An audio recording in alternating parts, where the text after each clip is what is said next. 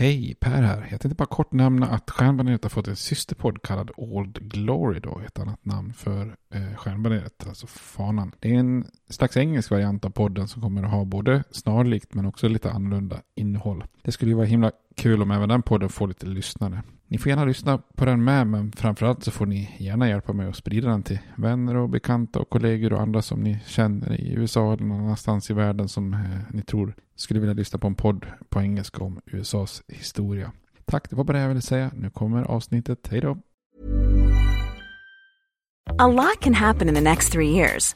Like a chatbot maybe your new best friend. But what won't change? Needing health insurance. United Healthcare Tri Term Medical Plans are available for these changing times. Underwritten by Golden Rule Insurance Company, they offer budget friendly, flexible coverage for people who are in between jobs or missed open enrollment. The plans last nearly three years in some states, with access to a nationwide network of doctors and hospitals. So, for whatever tomorrow brings, United Healthcare Tri Term Medical Plans may be for you. Learn more at uh1.com. Ready to pop the question? The jewelers at BlueNile.com have got sparkle down to a science with beautiful lab grown diamonds worthy of your most brilliant moments. Their lab grown diamonds are independently graded and guaranteed identical to natural diamonds, and they're ready to ship to your door. Go to BlueNile.com and use promo code LISTEN to get $50 off your purchase of $500 or more. That's code LISTEN at BlueNile.com for $50 off. BlueNile.com code LISTEN. Many of us have those stubborn pounds that seem impossible to lose, no matter how good we eat or how hard we work out.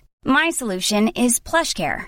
PlushCare is a leading telehealth provider with doctors who are there for you day and night to partner with you in your weight loss journey. They can prescribe FDA-approved weight loss medications like Wagovi and Zepbound for those who qualify. Plus, they accept most insurance plans. To get started, visit plushcare.com slash weight loss. That's plushcare.com slash weight loss. Stjärnbaneret. Podcast om USAs historia.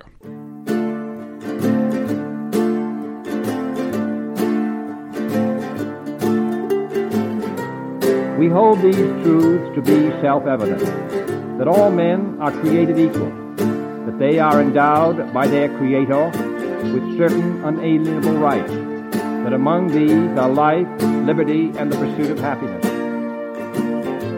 Now we are engaged in a great civil war, testing that government of the people, by the people, for the people, shall not perish from the earth. And so, my fellow Americans, ask not what your country can do for you, ask what you can do for your country. I have a dream. My four little children will one day live in a nation where they will not be judged by the color of their skin, but by the content of their character. Mr. Gorbachev, tear down this wall. I did not have sexual relations with that woman, Miss Lewinsky. Ja, då hälsar vi välkomna till Stjärnbaneret, en podcast om USAs historia. Hallå Robert. Hej. Nu kör vi igen. Jajamän. Taggad? Ja, jag är återigen eh, lite förkyld här. Jag hoppas inte att det ska höras. Men eh, i övrigt är jag taggad. Du låter som dig själv Ja. tycker jag. Men eh, idag ska vi ju in på lite så här, eh, lite udda saker som häxor och pirater och uppror av olika slag. Så att säga. Eh, och vi tänkte faktiskt fortsätta vår översiktsserie den här avsnittet. Vi har gjort en mellanstickare med lite, lite andra ämnen och lite andra tidsperioder så att vi liksom eh, varierar oss lite. Men eh, nu tänkte vi gå tillbaka till den här kronologiska översiktsserien och eh, var var det vi slutade senast? Då har vi ju faktiskt etablerat 13 stycken kolonier, det som ska bli USAs första 13 stater. Ja, precis. Kan du ta oss igenom lite snabbt bara? Vad, vad har vi pratat om hittills? Ja, vi har ju då successivt här, det är ju under framförallt, vi började ju faktiskt med att prata om franska och spanska och Mm. lite andra länders eh, start och kolonier eftersom USA ju har ett arv även från andra länder än England. Men sen har vi ju då pratat om de här 13 engelska kolonierna då som, eh, ja, mellan, lite grovt sett då från det att Jamestown och Virginia etablerades 1607 och fram till att Pennsylvania etableras 1681 så är det ju en period där de successivt en efter en etableras då. Det enda undantaget är ju Georgia som du är på 1700-talet då. Och det man kan se det är väl egentligen två stycken generella teman här bland, bland de här kolonierna. Det, det ena är väl att det faktiskt blir just ett lapptäcke av en massa olika kolonier som oftast har, eller som ibland i alla fall har väldigt lite gemensamt. Alltså man skapas av olika skäl. Vissa är kompanier som ska tjäna pengar. Eh, man eh, siktar på olika grödor som ska ge en ekonomisk vinst. Andra kolonier har skapats för att ge religiösa fristäder. Och andra skapas över att man eh, inte trivs i en koloni utan man skapar någonting nytt i nästa. Och som i Pennsylvania pratar vi också om att det är en koloni som bygger mycket på emigration från andra länder än, än just England och så vidare. Så att mm. varje region har sin, sitt stuk och inom varje region finns det något svart får i form av eh, Nord Carolina i södern, eh, Ro, Ro, Rogue Island eh, som man kallar det lite smäriskt, men Rhode Island i, i New England och, och kanske då eh, i, i de mellersta staterna så sticker New York ut lite grann. Eh, så där kommer vi bygga vidare på det, just det här med att eh, det är helt enkelt olika typer av kolonier som, som, som bildar de här första städerna. Och det andra temat som, eh, som är generellt också, det är ju att det är ganska tuffa tider. Alltså etablera de här kolonierna är ju väldigt svårt. Det är svårt att överleva, många, många dör. Det är ganska lite lag och ordning på sina håll och det är ju någon form av tuff nybyggarkultur, någon slags konstant vilda västern kan man säga då. Mm. Och vi kommer nu i två stycken avsnitt då som, som syr ihop den här koloniala tiden eh, innan vi går in på den amerikanska revolutionen och egentligen utforskar de här två temana fast i två olika historiska block då. Eh, för alltså tiden efter att man eh, eh från, från det att man skapat kolonierna till att man slår sig fria, då kan man egentligen dela in i två tidsperioder. Den första är då grovt sett mellan 1675 till 1713 då, som vi ska prata om idag. Och det är en tidsperiod som präglas av väldigt eh, alltså, omogna, råa kolonier som går igenom en massa kriser och olika oroliga tider då. Så det blir lite uppror, det blir lite krig och lite pirater och lite häxor och annat eh, smått och gott.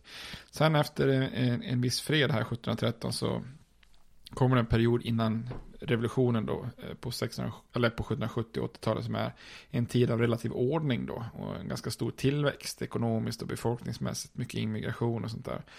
Och där spinner väl landet egentligen vidare på samma tema som vi sa, det här med lapptäcke, alltså att de redan väldigt olika kolonierna utvecklas eh, återigen ganska mycket till, i olika riktningar som gör att när USA bildas så är det ett ganska Eh, eh, vad heter det, eh, heterogent land. Och, mm. Som lägger grunden till det federala systemet som uppstår där staterna än idag har ganska stor makt kontra det, den mm. centrala staterna.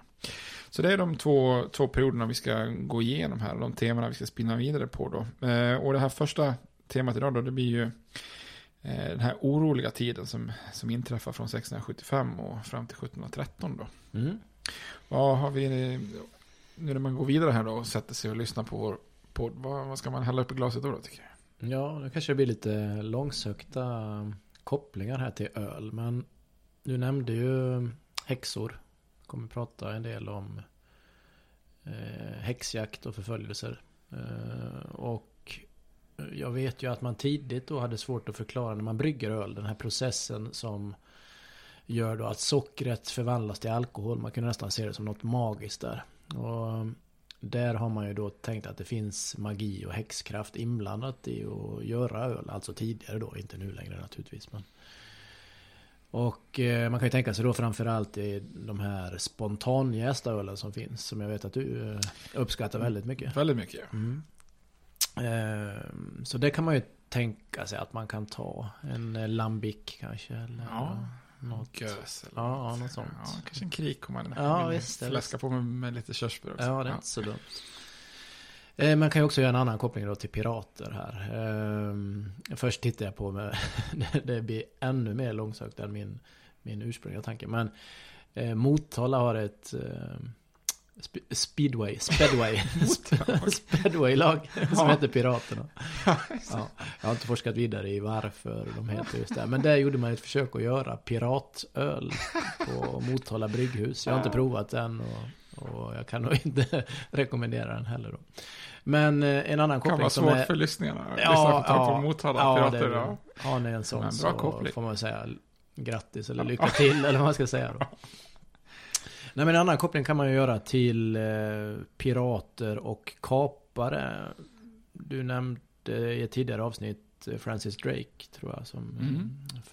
eh, fick uppdrag då av Elisabeth den första. Att eh, kapa diverse olika skepp på havet. Och han och flera liknande kaptener då kallades för Sea Dogs. Just det. Och eh, det finns då ett bryggeri som heter Sea Dog. Det är faktiskt ett av de första bryggerier som jag beställde ifrån. Jag gjorde al- alltså en, en egen beställning på Systembolaget. Den fanns Just med i beställningssortimentet. Det var ju en av våra kompisar där, Andreas Rask, som gillar porter väldigt mycket. Och vi beställde deras Hazelnut Porter. Just det. Väldigt Sea bra. Ja, väldigt bra.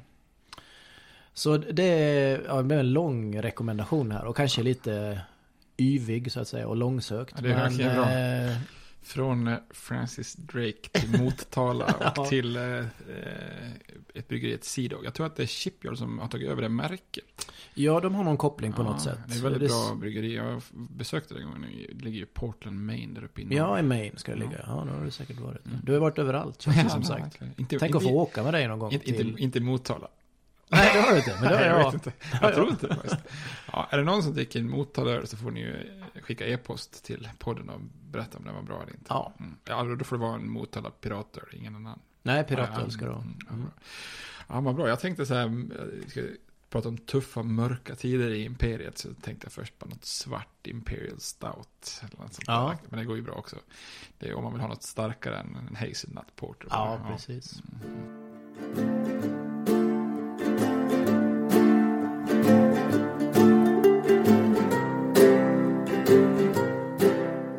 Men om vi går in på det här avsnittet då. Eh, de, eh, det är ju som sagt lite oroliga tider här i kolonierna. De, de, de två som eh, åker i trubbel först egentligen av kolonierna. Det är två av de här mest väletablerade, de äldre kolonierna då. Massachusetts och Virginia.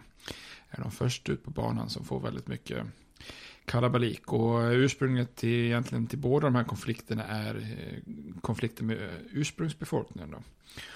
Och Eh, om vi börjar i Massachusetts då, så i, i, ehm, i den här regionen, New England då, så har eh, en eh, stam som heter Vampanoag, om jag uttalar det rätt. Eh, de har en hövding som heter Metacom. Som av vissa har gått till historien som kung Filip. Eh, det är väl någon europeisk variant av, av, av att kalla honom för det. Mm. Men eh, han, han tröttnar i alla fall på att flera i hans stam eh, har mördats av vita och att landområdena blir allt mindre som de kan röra sig på. Att pälshandelns intäkter blir mindre och mindre. Då. Och den vita befolkningen här, den europeiska befolkningen i New England i, i den här regionen uppgår ju ungefär vid den här tiden då runt 1675 eh, till eh, ungefär 60 000 personer. Så det är klart att de börjar bli ganska många då. De indianerna känner då att de håller på att bli pressade bort då. Så att den här Metacom, han får med sig flera andra stammar då. Och så går man till fullt anfall då 1675 då. Och under 12 månader så är det i princip så att de här, eh, den här koalitionen av ursprungsamerikaner har, eh, har överläget då. Så att de förintar och förstör, eh, brukar man räkna, det är så en statistik på över 12 000 byggnader på mer än 50 olika orter då runt om i Mm. New England-kolonierna då. Så att ungefär en tiondel av alla män i, i de här nordöstra kolonierna får sätta livet till då. Och den här off- offensiven kommer faktiskt bara några mil från Boston som ligger ju längst ut vid kusten. Så att eh, det, det är ganska, har ganska stora framgångar då. Men som vanligt så i, i de här konflikterna så lyckas alltid kolonisterna samla, samla sig och sen så börjar man då spela ut stammar mot varandra. Och, och när man väl då slår tillbaks så är det ju som vanligt att det är ursprungsbefolkningen som drabbas hårdast, hårdast då. För man skonar i princip ingen utan man, man sätter eld på, på hela byar och sånt där.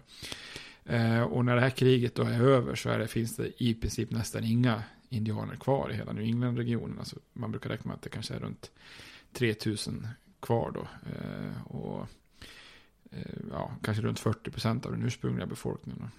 Mm. Eh, och det här blir ju en seger för, för då puritanerna i, i New England. Då, men samtidigt är det ju ett svårt bakslag, alltså både eh, alltså religiöst. Då. Det, man tolkar det som att det är uppenbart att Gud straffar, straffar dem för sina synder, så att säga. Annars skulle inte det här ha inträffat då, helt enkelt. Mm. Massachusetts och Virginia nämnde du här i början. Vad, vad händer i Virginia då? Hur ser det ut där? Ja, där sker det ju ett uppror 1676 då som kallas för Bacons uppror efter ledaren Nathaniel Bacon.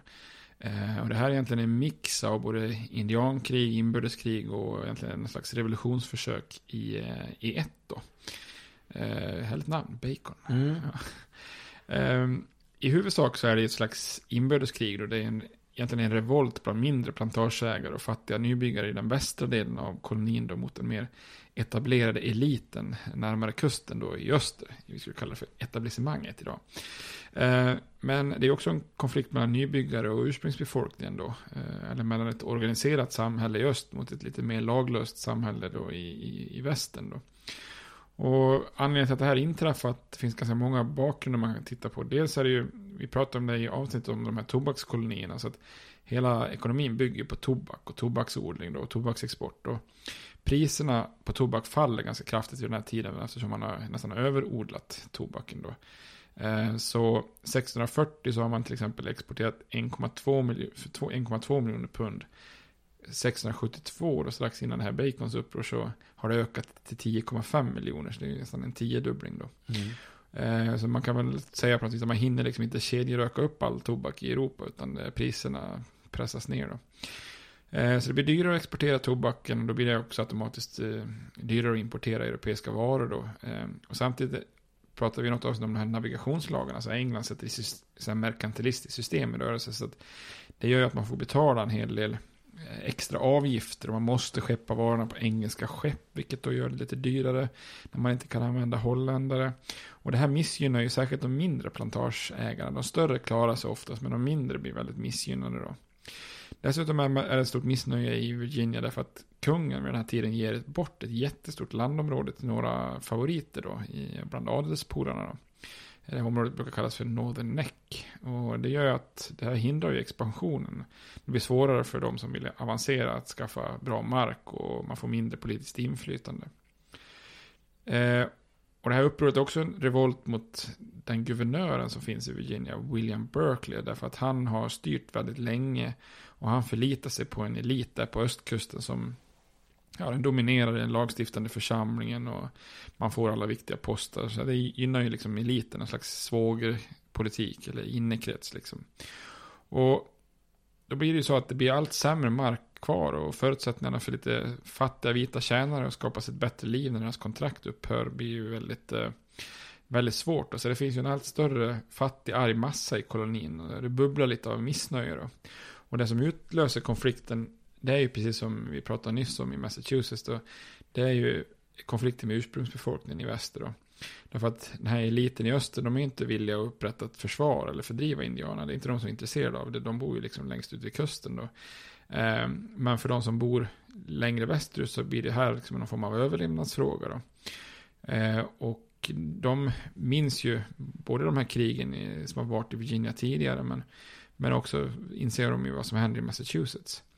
Så då stiger den här killen fram då, Nathaniel Bacon, eh, och leder den här oppositionen då. Och det dödas då ett antal indianer och man, för att slå tillbaks då så, och det hemska är att man inte ens dödar folk från rätt stam när man ska hamnas, utan Bacon själv säger någonting i stil med att alla indianerna ser likadana ut. Så det är hyfsat, hyfsat Mm. rasistiskt liksom. Ehm, och så man, man, man slår ihjäl en massa indianer för att liksom eh, breda mark västerut. Då. Och samtidigt så får man den här nyheten om att det är ett enormt indianuppror då i New England, alltså det här kung Philips krig. Eh, så då blir de ju livrädda för att det ska hända samma sak här då. Eh, så att då, då åker han västerut för att liksom övertala guvernören om att det, man måste liksom stärka försvaret då. Och det är lite ironiskt att just den han Bacon blir upprör, upprorsmakare, för han kommer ju från en välbärgad familj i England. Så direkt när han kommer till Virginia så får han en plats i Virginias borgarhus och ja, makt och inflytande. Men eh, så att han egentligen borde ju vara på bra, på god fot med guvernören, men han drar i alla fall österut till huvudstaden då för att få Berkeleys, eh, guvernörens, tillåtelse att mönstra en milis. Men det är ganska uppenbart att det blir någon slags missförstånd där och någon slags eskalerande ordkrig. De kommer inte alls överens där. Så det slutar med att guvernören fängslar han Bacon då under en kort period. Mhm. Och då blir ju Bacon eh, ilsken. Eller, ja, han blir kränkt kan man säga. Mm. eh, Så som man blir i, dagens samhälle. Eh, så han drar västerut och i direkt trots med guvernörens order. För guvernören säger att han får inte Eh, skapa någon form av styrka. Men han samlar 300 män, eh, börjar döda ett antal eh, indianer som hämnd för mindre gruff. Och då svarar Berkeley med att utesluta honom från den lagstiftande församlingen och förklara honom som laglös rebell då, eftersom han har gått emot guvernörens order då. Då vänder ju Bacon och hans män då ryggen mot västern och marscherar tillbaka österut till Jamestown, då huvudstaden. Och eh, guvernören Berkeley, han har inte så mycket att sätta emot här, så han får fly då. Och eh, de intar huvudstaden och bränner vissa delar av den. Eh, och sen så instiftar de ett antal nya lagar som till exempel vidgar rösträtt eller tar bort skattefrihet för rådsmän och eh, förbjuder att man har mer än en offentlig tjänst till exempel. Eh, så att det, man ser det ju som en slags grogrund till korruption och svågerpolitik bland eliten då. Mm. Så att det är liksom som en liten revolution light då kan man säga. Och i England då så ser man ju ganska allvarligt på det här, så man skickar faktiskt trupper för att hjälpa den kungliga guvernören. Eh, men innan de hinner anlända så, så har han Bacon dött då i dysenteri. Och det här upproret dör lite grann ut då. Men de som har varit upprorsmakare straffas ganska hårt då. Ehm, och det här får ju väldigt många följder då. Eh, kortsiktigt så innebär det att kungen beordrar hem han Berkeley faktiskt. Eh, för kungen och Karl II har sagt om Berkeley att den dåren har ju dödats fler på grund av detta än vad jag på grund av min faders död. För det var ju hans vars mm. pappa avrättades ja, under det. Eh, det engelska inbördeskriget då. Men långsiktiga följderna det är ju att den här guvernören och rådet, de blir inte längre lika inflytelserika efter detta. Och en annan fördel är att de här rika plantageägarna, de börjar importera mer svarta slavar istället för att ta hit, ta hit tjänare. Därför att eh, då, man blir liksom lite rädd för den här vita massan som skulle kunna göra uppror. Och det är bättre att ta svarta slavar för de är liksom mer hårt, hårt hållna. Då, så att mm. det är där Virginia går över till att börja importera slavar. Då. Det som inte ändras det är att den här tobaksekonomin fortfarande kommer att sätta många i skuld och man blir väldigt hårt och eh, ansatt i olika ekonomiska cykler. Då. Och så som vanligt så är ursprungsbefolkningen den, den, de riktiga förlorarna. Och den här ursprung, eller upprorsandan sprider sig delvis till både Maryland och, North Carolina. Då. Eh, och i Maryland är det mer eller mindre ett konstant inbördeskrig mellan protestanter och den katolska, katolska ägarfamiljen vid den här tiden. Så det är ganska, ganska rejält oroligt här med olika, eh, olika uppror och rebeller så att säga. Mm. Hade det kunnat blivit ett frihetskrig redan här då? Ja, det är en bra fråga. Det är många som har funderat på det där. Alltså, vad hade hänt om han inte hade dött Bacon mm. till exempel? Då? Eh, var han liksom en, ett exempel på en väldigt tidig patriot och frihetskämpe? Eller, eller var han bara någon slags bortskärmd brat som vägrar foga in sig i leden mer eller mindre? Eh, så det finns ju de som har hävdat att det hade kunnat bli en amerikansk eh, revolution och frihet här hundra år tidigare om han inte har dött. Men det är väldigt svårt att tro det. Att han hade behövt ena en massa kolonier och det hade nog varit väldigt svårt för den här tiden. Och eh, man har inte riktigt kommit upp i den styrkan i, i kolonierna så att man kanske hade haft en, ja, haft en suck mot den engelska armén. Så att det är väl tveksamt kan jag tänka mig. Ja.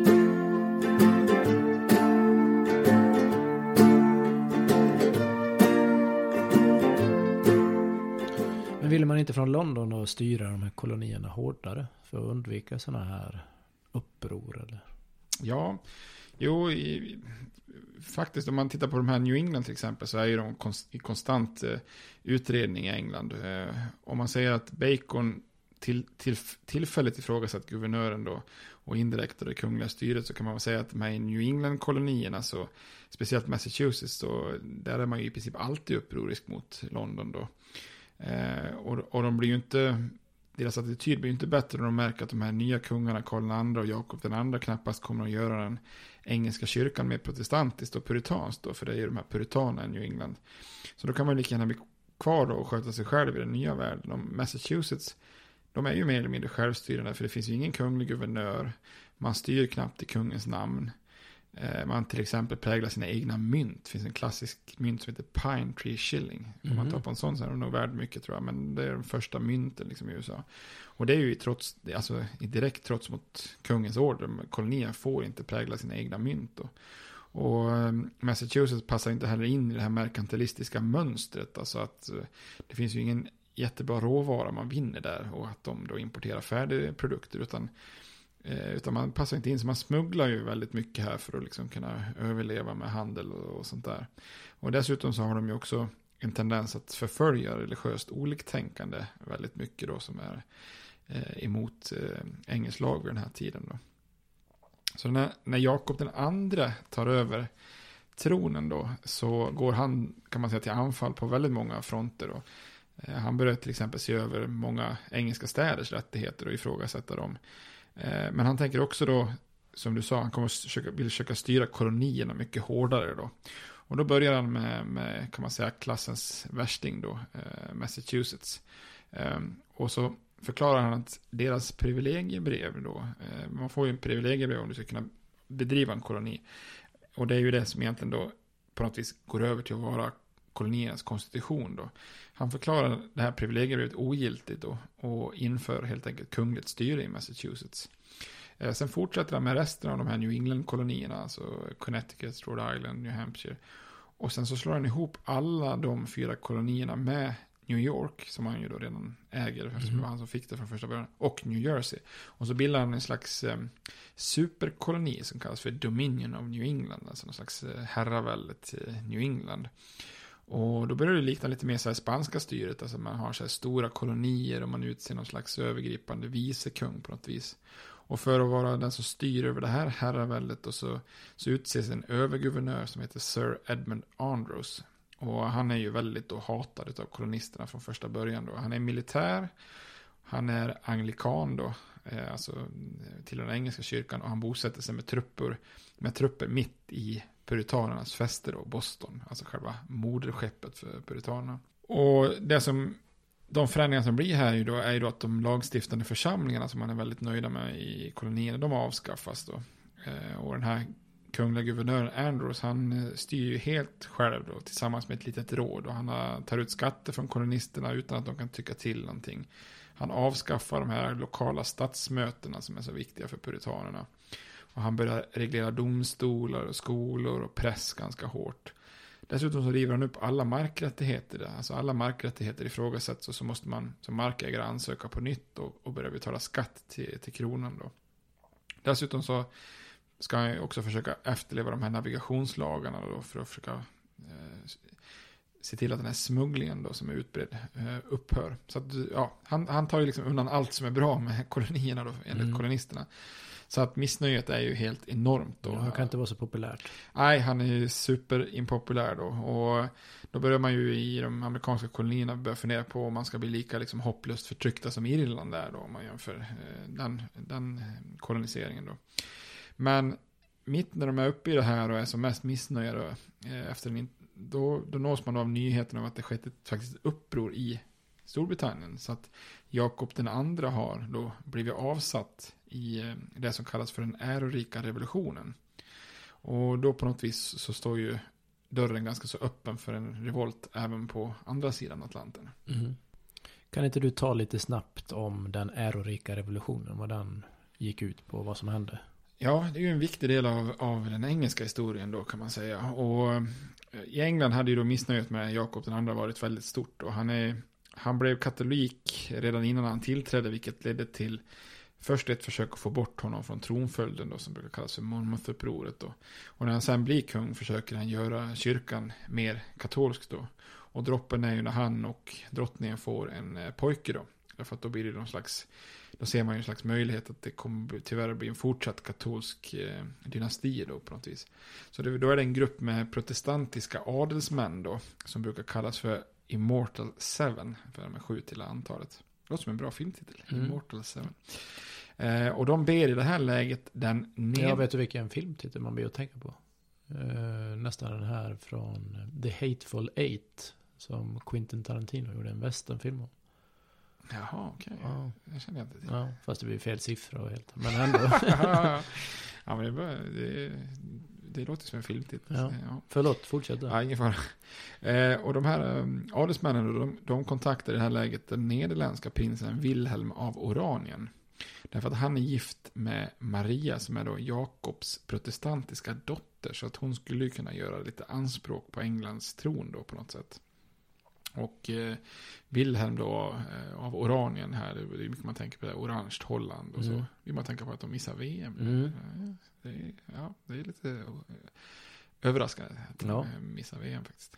Ja, hur som helst, nu var det en parentes igen. Eh, och det, hela den här historien med ärorika revolutionen är ju lite så här, nästan lite sjukt för att man i, i princip så säger man ju åt en utländsk prins att "Väl- välkommen, du kan få invadera landet och ta över tronen liksom. Men eh, de här adelsmännen är ju inte helt födda bakom flötet så att man tvingar ju också det här nya kungaparet att skriva under eh, det här som kallas Bill of Rights som vi pratade i det här avsnittet om, eh, vad heter det, rätten att bära vapen. Och Ja, en slags föregångare till de amerikanska Bill of Rights.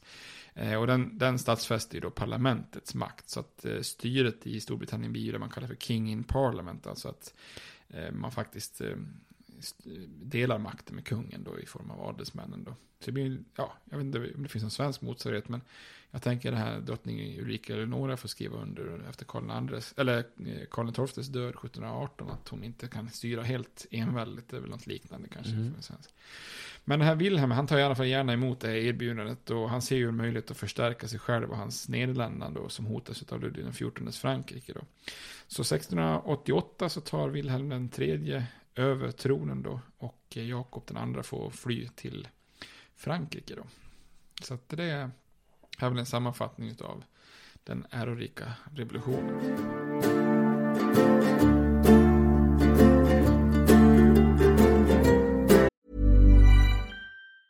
Hej, det är Ryan Reynolds, jag är här med Keith, co star of my upcoming film, If, only in theaters, May 17th. Do you want to tell people the big news?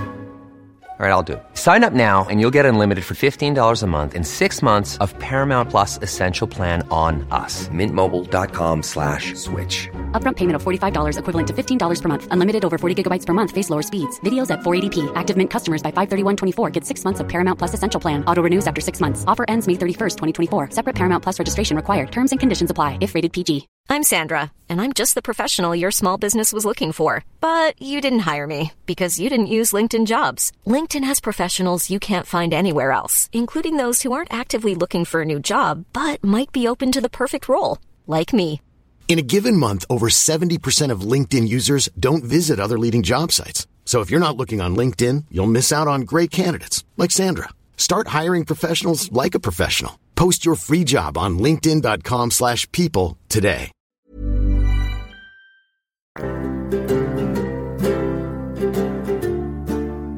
Vad får detta för följder i kolonierna nu då?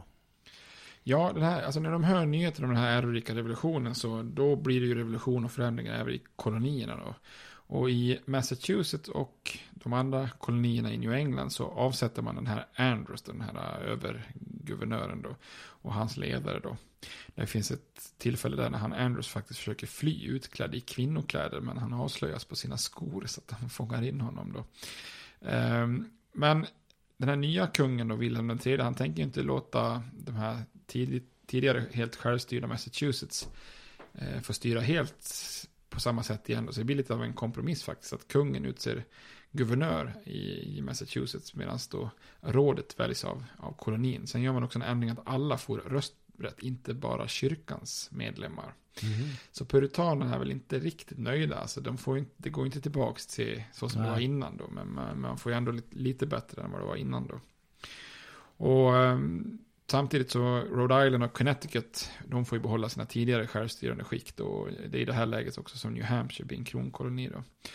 Men det blir också uppror i New York då. För att eh, i New York eh, har Andrews högra hand eh, huserat då som heter Francis Nicholson eh, liksom Andrews andre man då. Och när han dröjer lite grann med att utropa Wilhelm som legitim kung så eh, blir de lite irriterade i New York och det leder till ett uppror där det är en holländare, det var ju en holländsk koloni som vi också Mm. sa i avsnittet om New York då, som heter Jacob Leisler, eh, Leisler, eh, ja, lite likt Maria, jag tänkte Maria Leisner, Mm. Folk- Folkpartiets eh, partiledare ett tag. Ja, det kanske Ja, men Leisler ska det vara i alla fall. Och det kallas för Leislers uppror då. Och den här Leisler han styr New York i två år med ganska stort folkligt stöd. Men det är ändå en, ett antal missnöjda handelsmän och lite grann folk i, där som, eh, som är missnöjda. Och de övertalar myndigheterna i England att han är faktiskt en rebell. Så när det anländer trupper från England då så är ju inte han heller så jättesmidig för han vägrar att lämna över ett fort. Det hade varit smart att kanske bara lämna över till trupperna då liksom så. Men det, det gör han inte där, så att då blir det lite konflikter. Så till slut så kommer ju då han, Jacob Leisler och nio av hans kumpaner att dömas och avrättas då. Vilket ju är, blir en sån här två politiska läger som splittrar New York i ganska många generationer. De som var för eller emot eh, Jacob Leisler. Men eh, även i Maryland så är det ett uppror då. Det är protestanter som är ledda av en person som heter William Coode som gör uppror när Lord Baltimore är hemma i England. Då. Lord Baltimore är ju han som äger Maryland som en egen egendom då. Eh, och eh, den nya kungen han eh, går på de här upprorsmakarnas linje så han gör om Maryland från en sån här privat eh, koloni till en eh, statlig då, kronkoloni.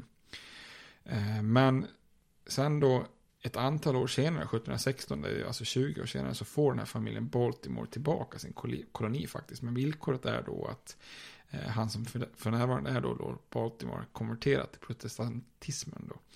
Eh, så att eh, det blir en återgång till en slags feodalt ägande då, men, men Maryland har liksom vid den här tiden liksom blivit en, lite av en normal koloni, inte riktigt så kaotisk som det har varit innan då. Så på ytan kan man väl säga att den här ärorika revolutionen skapar inte så himla mycket förändringar i kolonierna som sådant, utan det blir mycket en tillbakagång till vad som har varit med vissa, vissa mindre skillnader då.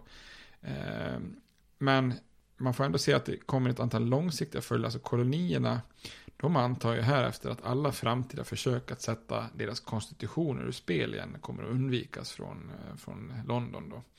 Eh, och man anser ju också att den här praxisen som har växt upp med någon slags federalt system då, där kolonierna sköter sig mycket själva, att det faktiskt nu är det som ska råda då, när man får tillbaka det. Och man, man anser sig också ha exakt samma rättigheter som alla andra engelska medborgare som, som då har fastslagits i den här äh, överenskommelsen mellan parlamentet och kung Wilhelm då.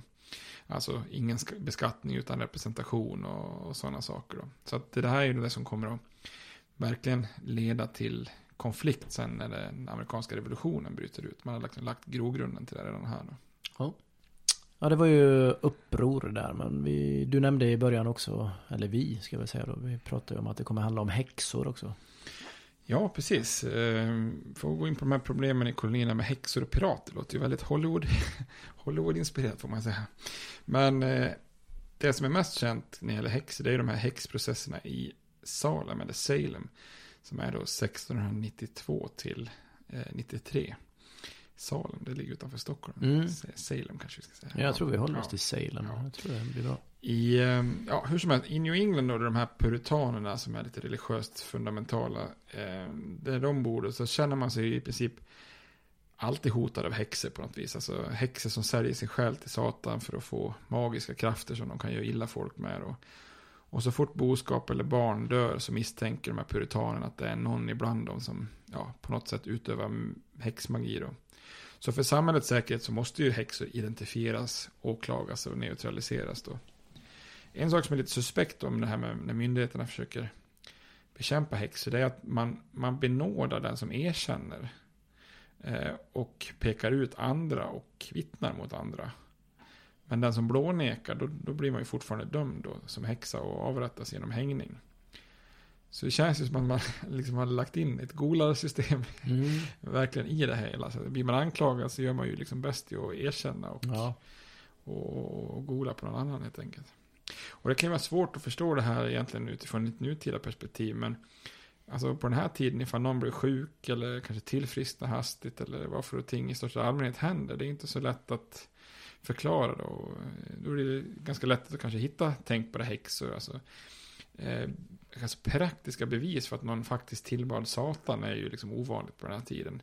Men då och då så anklagas då kvinnor för att vara häxor då. Och, och ibland kan man ju kanske fundera på om det var ett sätt för ett så här manligt styrt samhälle att bli av med högljudda och obekväma kvinnor. Men om någon anklagas för att vara häxa då, så, eller använda häxkraft, så startas oftast då en, en ganska grundlig utredning. Och det är en juridisk process då. Det är inte så att man bara hux flux dömer folk till häxa. Sådär bara på måfå liksom. Eh, och eftersom det var väldigt svårt att bevisa häxkraft så är det ofta så att juryerna friar den som är anklagad. Så fram till de här processerna i Salem, alltså fram till 1692 så är det, så anklagas ungefär 93 kvinnor i New England då, och bara 16 av dem avrättas. Så det är ju inte, eller ja, bara 16, det är ju 16 är ju 16, men ja. det är ju inte så sjukt många liksom så sett då. Men det är fram till 1692 för att det är då det här lilla samhället Salem i Massachusetts eh, drabbas av en slags total panik då. Och för att förstå varför det här inträffar här, den här häx, eh, häxjakten då, så måste man liksom sätta det i sitt sammanhang också. Häxprocessen uppstår ju liksom i Massachusetts då, en koloni som är lite grann i, kan man säga, kris då. Eh, Massachusetts ledare, de ser ju allt eh, mörkare på den här gudomliga kolonin som man har försökt att skapa då. Det är allt färre fullvärdiga medlemmar i kyrkan trots lättnader med sådana här halvvägskrav för att bli medlem i kyrkan. Det är allt fler yngre som intresserar sig åt eh, handel och andra sekulära saker då. Sen har man det här kung Philips krig med indianerna som vi pratade om inledningsvis här. Det är krig mot Frankrike under perioder som, som drabbar Massachusetts. Eh, man drabbas av sjukdomar. Eh, det anländer sådana här kväkare då, som missionärer som de måste ta hand om. Eller ja, ta hand om i situationstecken. Mm. De avrättar ju några. Eh, deras konstitution tas ifrån dem då först i den här ärorika revolutionen. Och, och sen så får man en sämre konstitution när allting är över. Så det är egentligen, det är bara problem. Liksom. De blir ju de blir ju nedstämda. Alltså någon, någons jävla fel måste det ju vara att allt mm. det här skiten händer då. Och ingen puritan vill ju tro att alla missöden är helt slumpartade utan någon form av övernaturlig mening då. För det skulle ju liksom bara på något vis bekräfta deras ja, säga, hjälplöshet och isolering i en värld utan, utan Gud då. Så att ett samhälle i, som upplever en sån här typ av panik får ju kanske lite lättare att ta till sig häxanklagelser då. Så när ett antal tjejer ägnar sig åt lite så här enkel eh, magi eller allmän andlighet så då drabbas hela det här samhället av, av panik i den här lilla staden Salem då.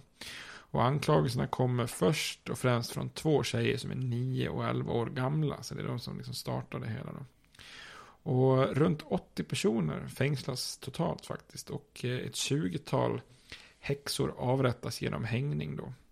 Och det är faktiskt en man som avrättas också. Eh, för att han inte erkänner i, rätten. Fast han hänger man inte. Han avrättas genom att han krossas av tunga stenar. Det låter sig sådär skönt. Ja, säga. man använder väl det som en metod för att få folk att erkänna va? Man ja. låg på ett fält och sen la man på fler och fler stenar. Ja.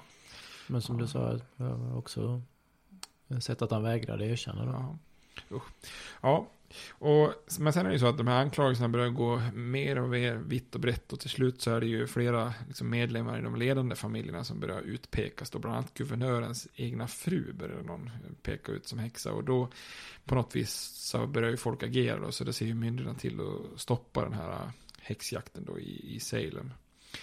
Och ska man se på den här häxjakten så är det ju egentligen en ganska liten affär sett till hela den koloniala perioden. Då. Det är absolut inte det är absolut inte typiskt på något sätt, inte ens för de här puritanska kolonierna då. Eh, men trots det så är det ju en av få saker som de allra flesta amerikaner förknippar med hela den här koloniala perioden. Alltså eh, lite halloween med häxor och barn som klär ut sig och så vidare. Det är kanske ibland deras enda egentligen minne av den koloniala tiden. Och man känner igen det, för man har ju hört det många gånger. Och mm. Det har refererats till liksom i filmer och sånt där. Så att, men det är ju en liten, liten, liten parentes egentligen, sett till hela den eh, koloniala historien egentligen. Ja, senast var det ju Staffan Heimersson va, som kopplade Precis, den här metoo-rörelsen. Ja, det var att det skulle vara... märkligt. Jag läste det.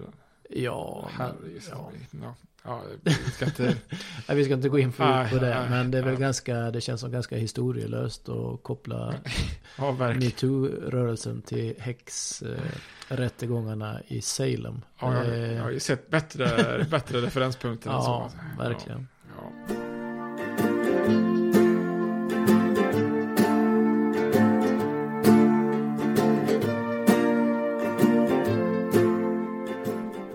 Ja, det var ju häxprocesser och häxor. Ehm, och så har vi utlovat pirater också. Precis.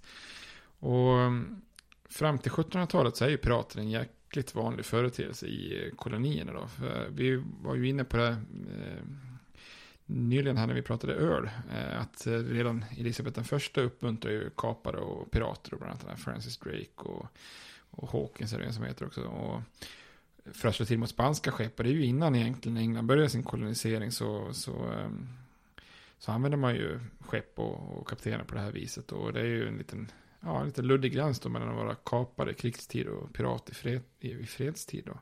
Men pirater etablerar sig ju ganska tidigt i Västindien. Då. Eh, franska, engelska och nederländska pirater och smugglare utnyttjar ju att det här spanska imperiet är ganska glest utspritt och att eh, deras båtar då kommer skeppade med enormt värdefull last i form av guld och annat. Och på mindre öar och sådär så kunde man ju etablera lite så baser och slå till mot de här spanska skeppen. Det är ju nästan det man ofta förknippar med pirater, en skattkarta och guldet är nedgrävt på någon mm. ö eller någonting sånt där då.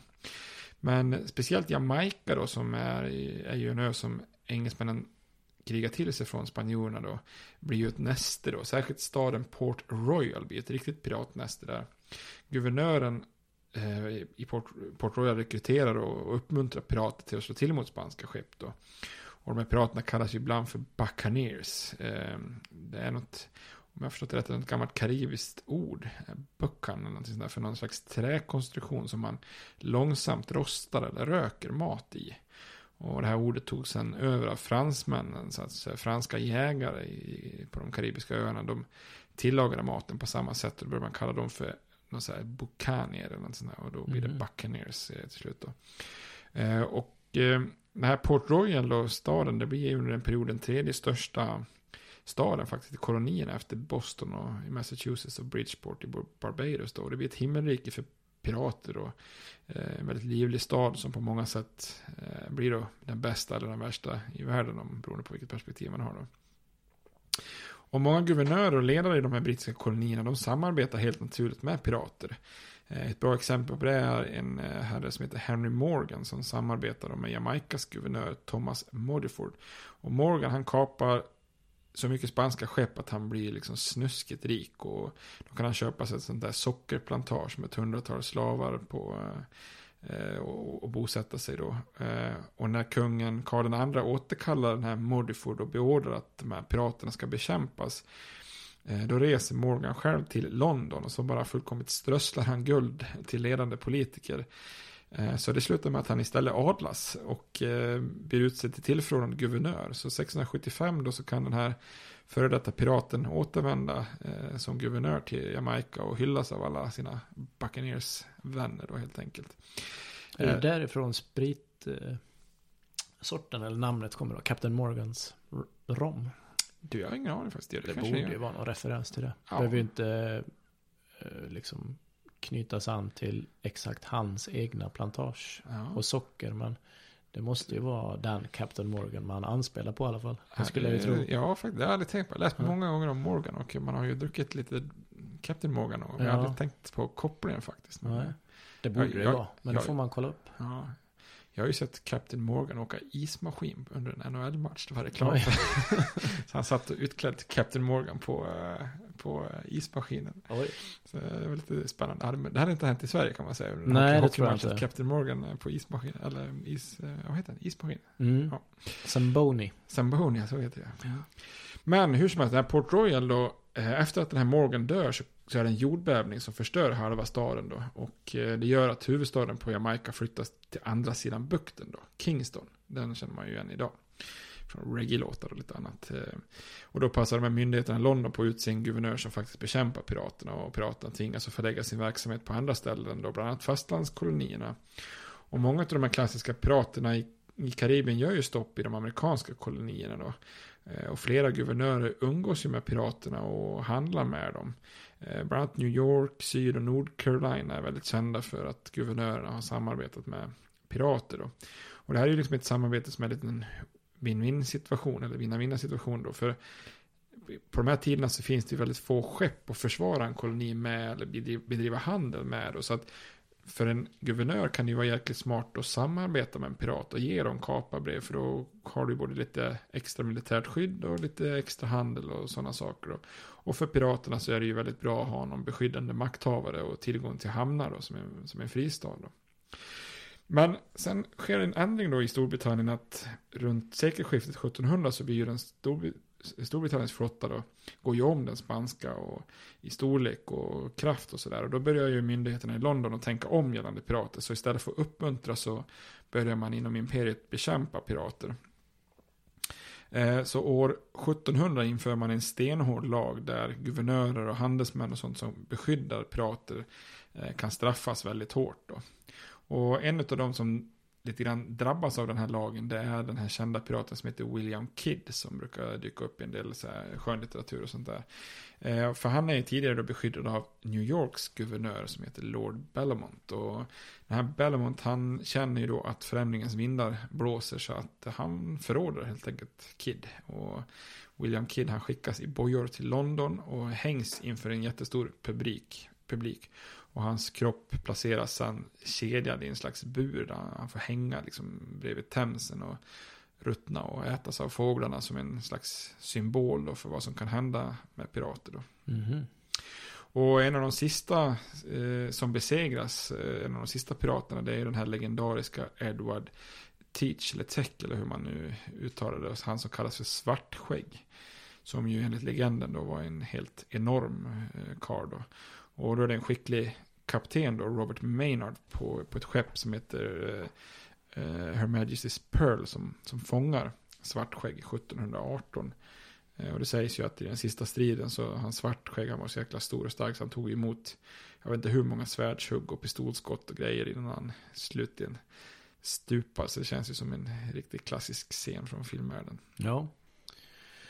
Men filmer där, och då tänker du Pirates. Ja, of precis. the... Och sen är vi lite oense om namnet här. Ja. Eller oense är vi inte, vi vet inte hur vi ska uttala det. Pirates of the Caribbean eller Pirates of the Caribbean. Ja, jag, vet, inte, jag brukar nog Vi- säga Caribbean. Ja, jag tror också jag har Caribbean. sagt Ja. det. Men samtidigt säger man så här, the Caribbean Islands, the Ja. Caribbean Sea. Eh, Man kan spela ett kortspel som heter Caribbean Stud. Just det, just det. Ja. Så här får vi Ja. nästan fråga er lyssnare.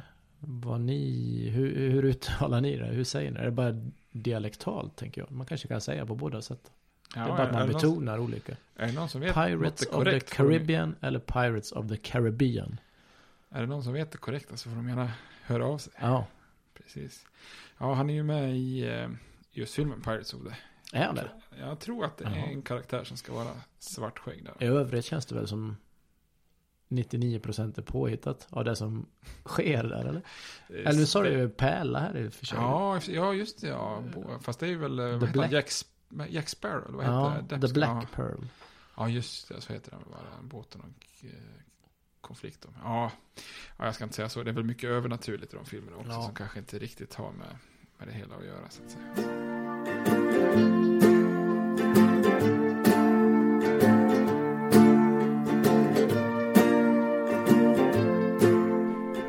Det var pirater, häxor har vi gått igenom och uppror, men krig utlovar väl också det va? Lite krig. Ja, precis. Det- är ju också präglar de här oroliga åren. Det är ju också att det är en hel del krig då. Eh, bland annat lite krig mot Frankrike som då är ärkerivalen då.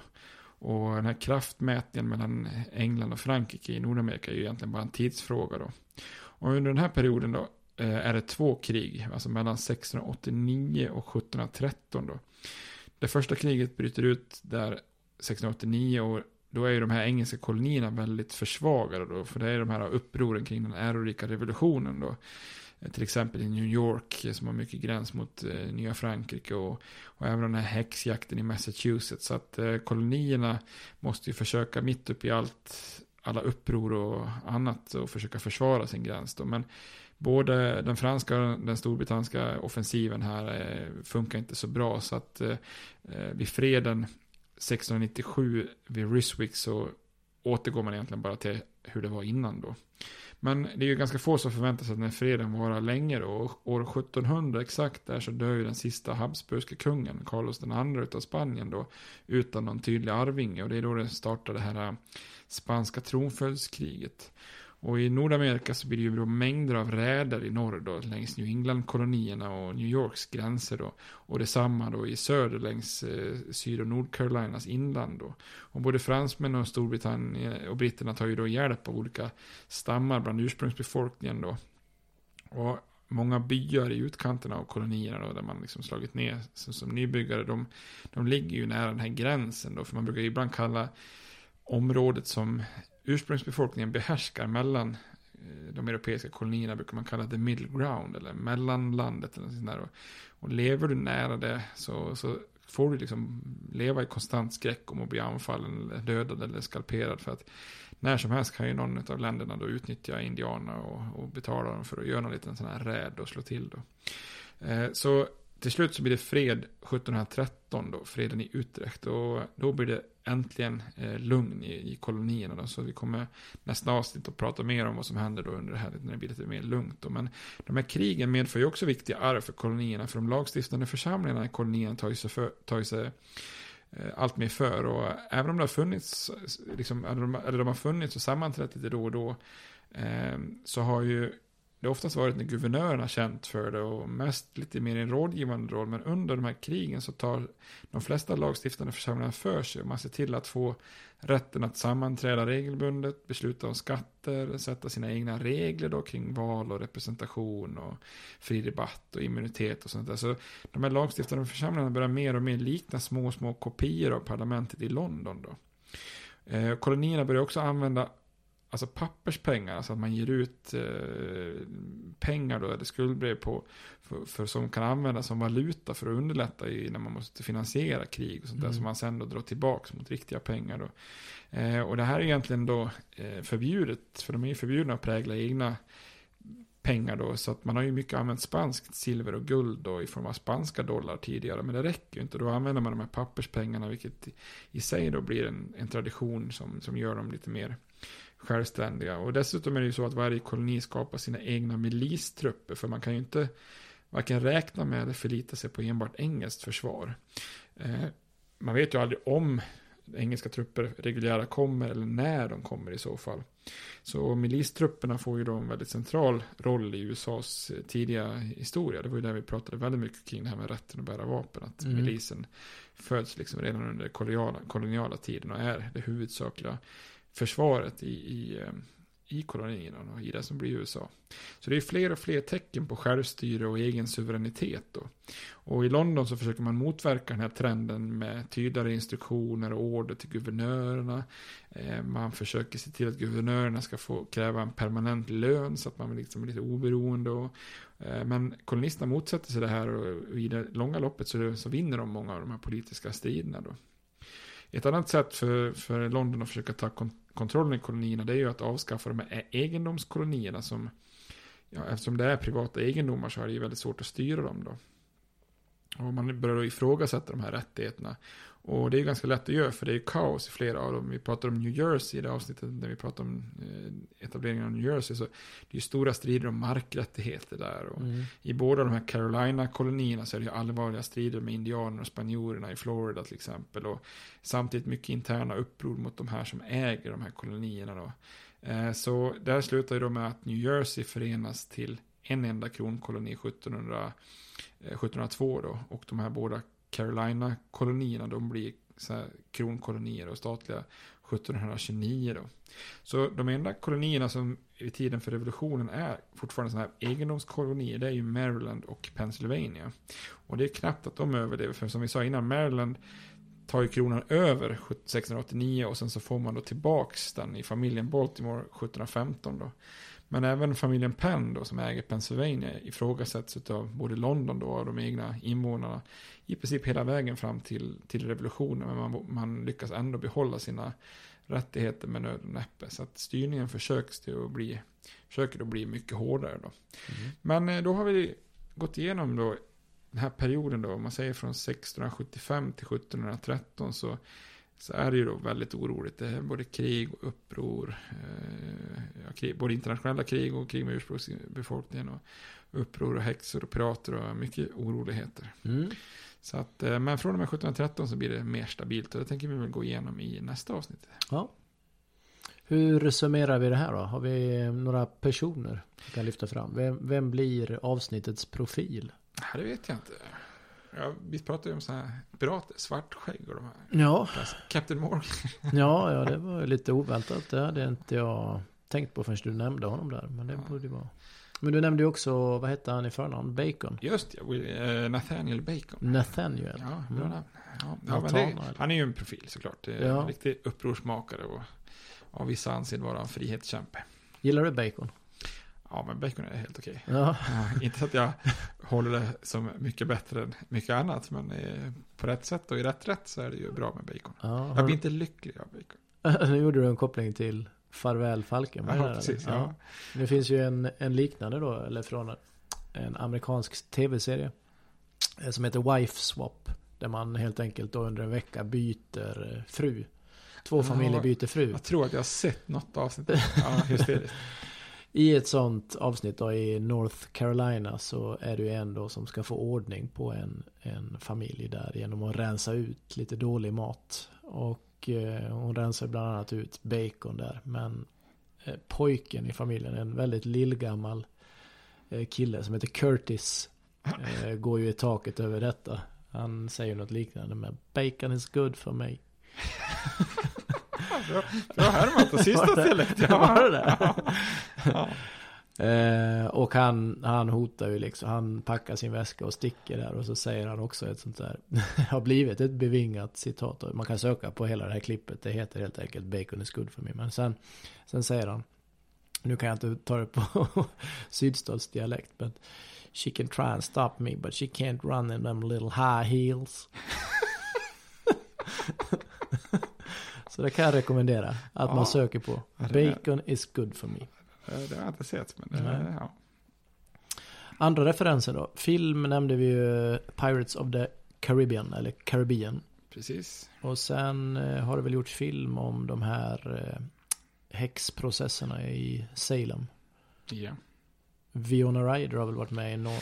Precis. Jag fick för mig att det finns en som heter Salem, The, the Witch Trials. Men Ja, jag Du hade någon ja, annan? Jag, jag tror att det finns en film som heter The Crucible. Jag vet inte om det är samma. Men, eh, ja, kanske det. men eh, i den är, tror jag i alla fall Daniel Day-Lewis är med också. Han är ju med i ganska många amerikanska Ja, men filmer. det är den jag tänker på också. Ja, okej, ja, men det- jag har för mig att han blir hängd i den. Jag har för mig att han hänger okej. honom. Ja, jag har inte sett den faktiskt tror jag.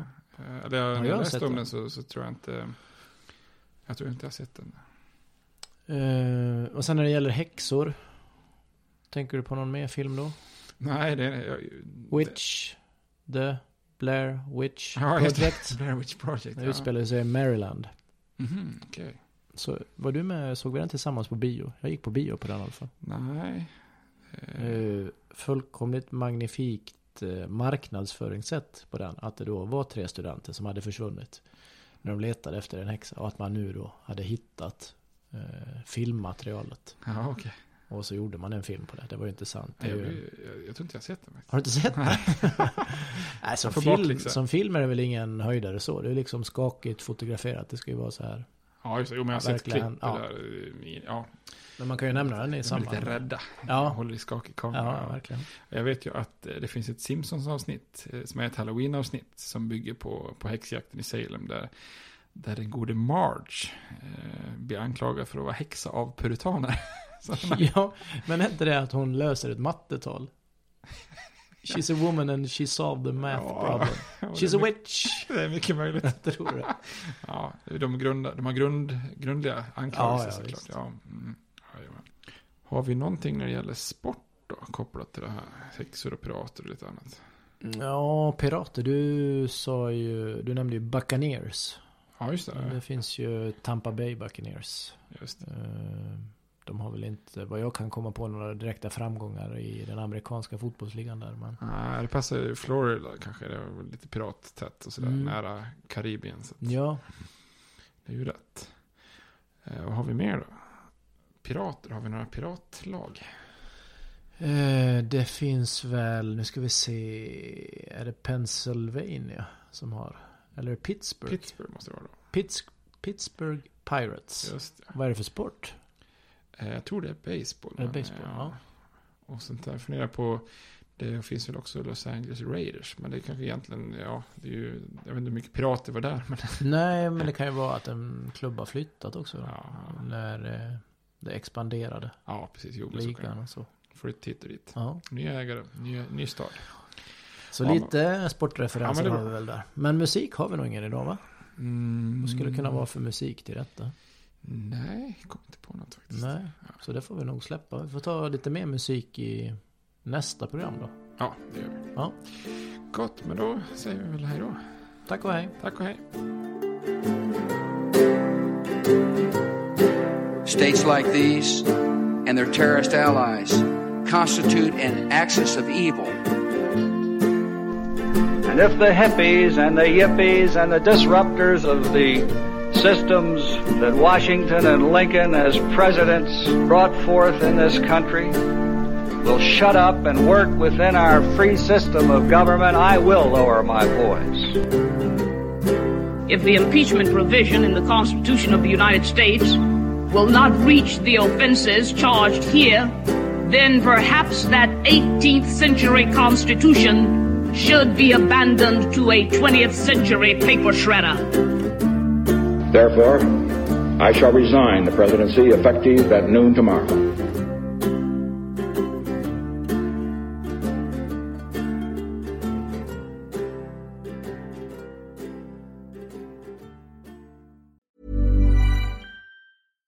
Hi, I'm Daniel, founder of Pretty Litter.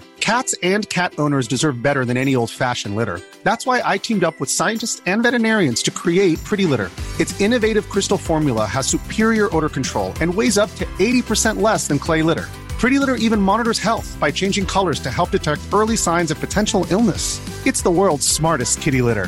Go to prettylitter.com and use code ACAST for 20% off your first order and a free cat toy. Terms and conditions apply. See site for details.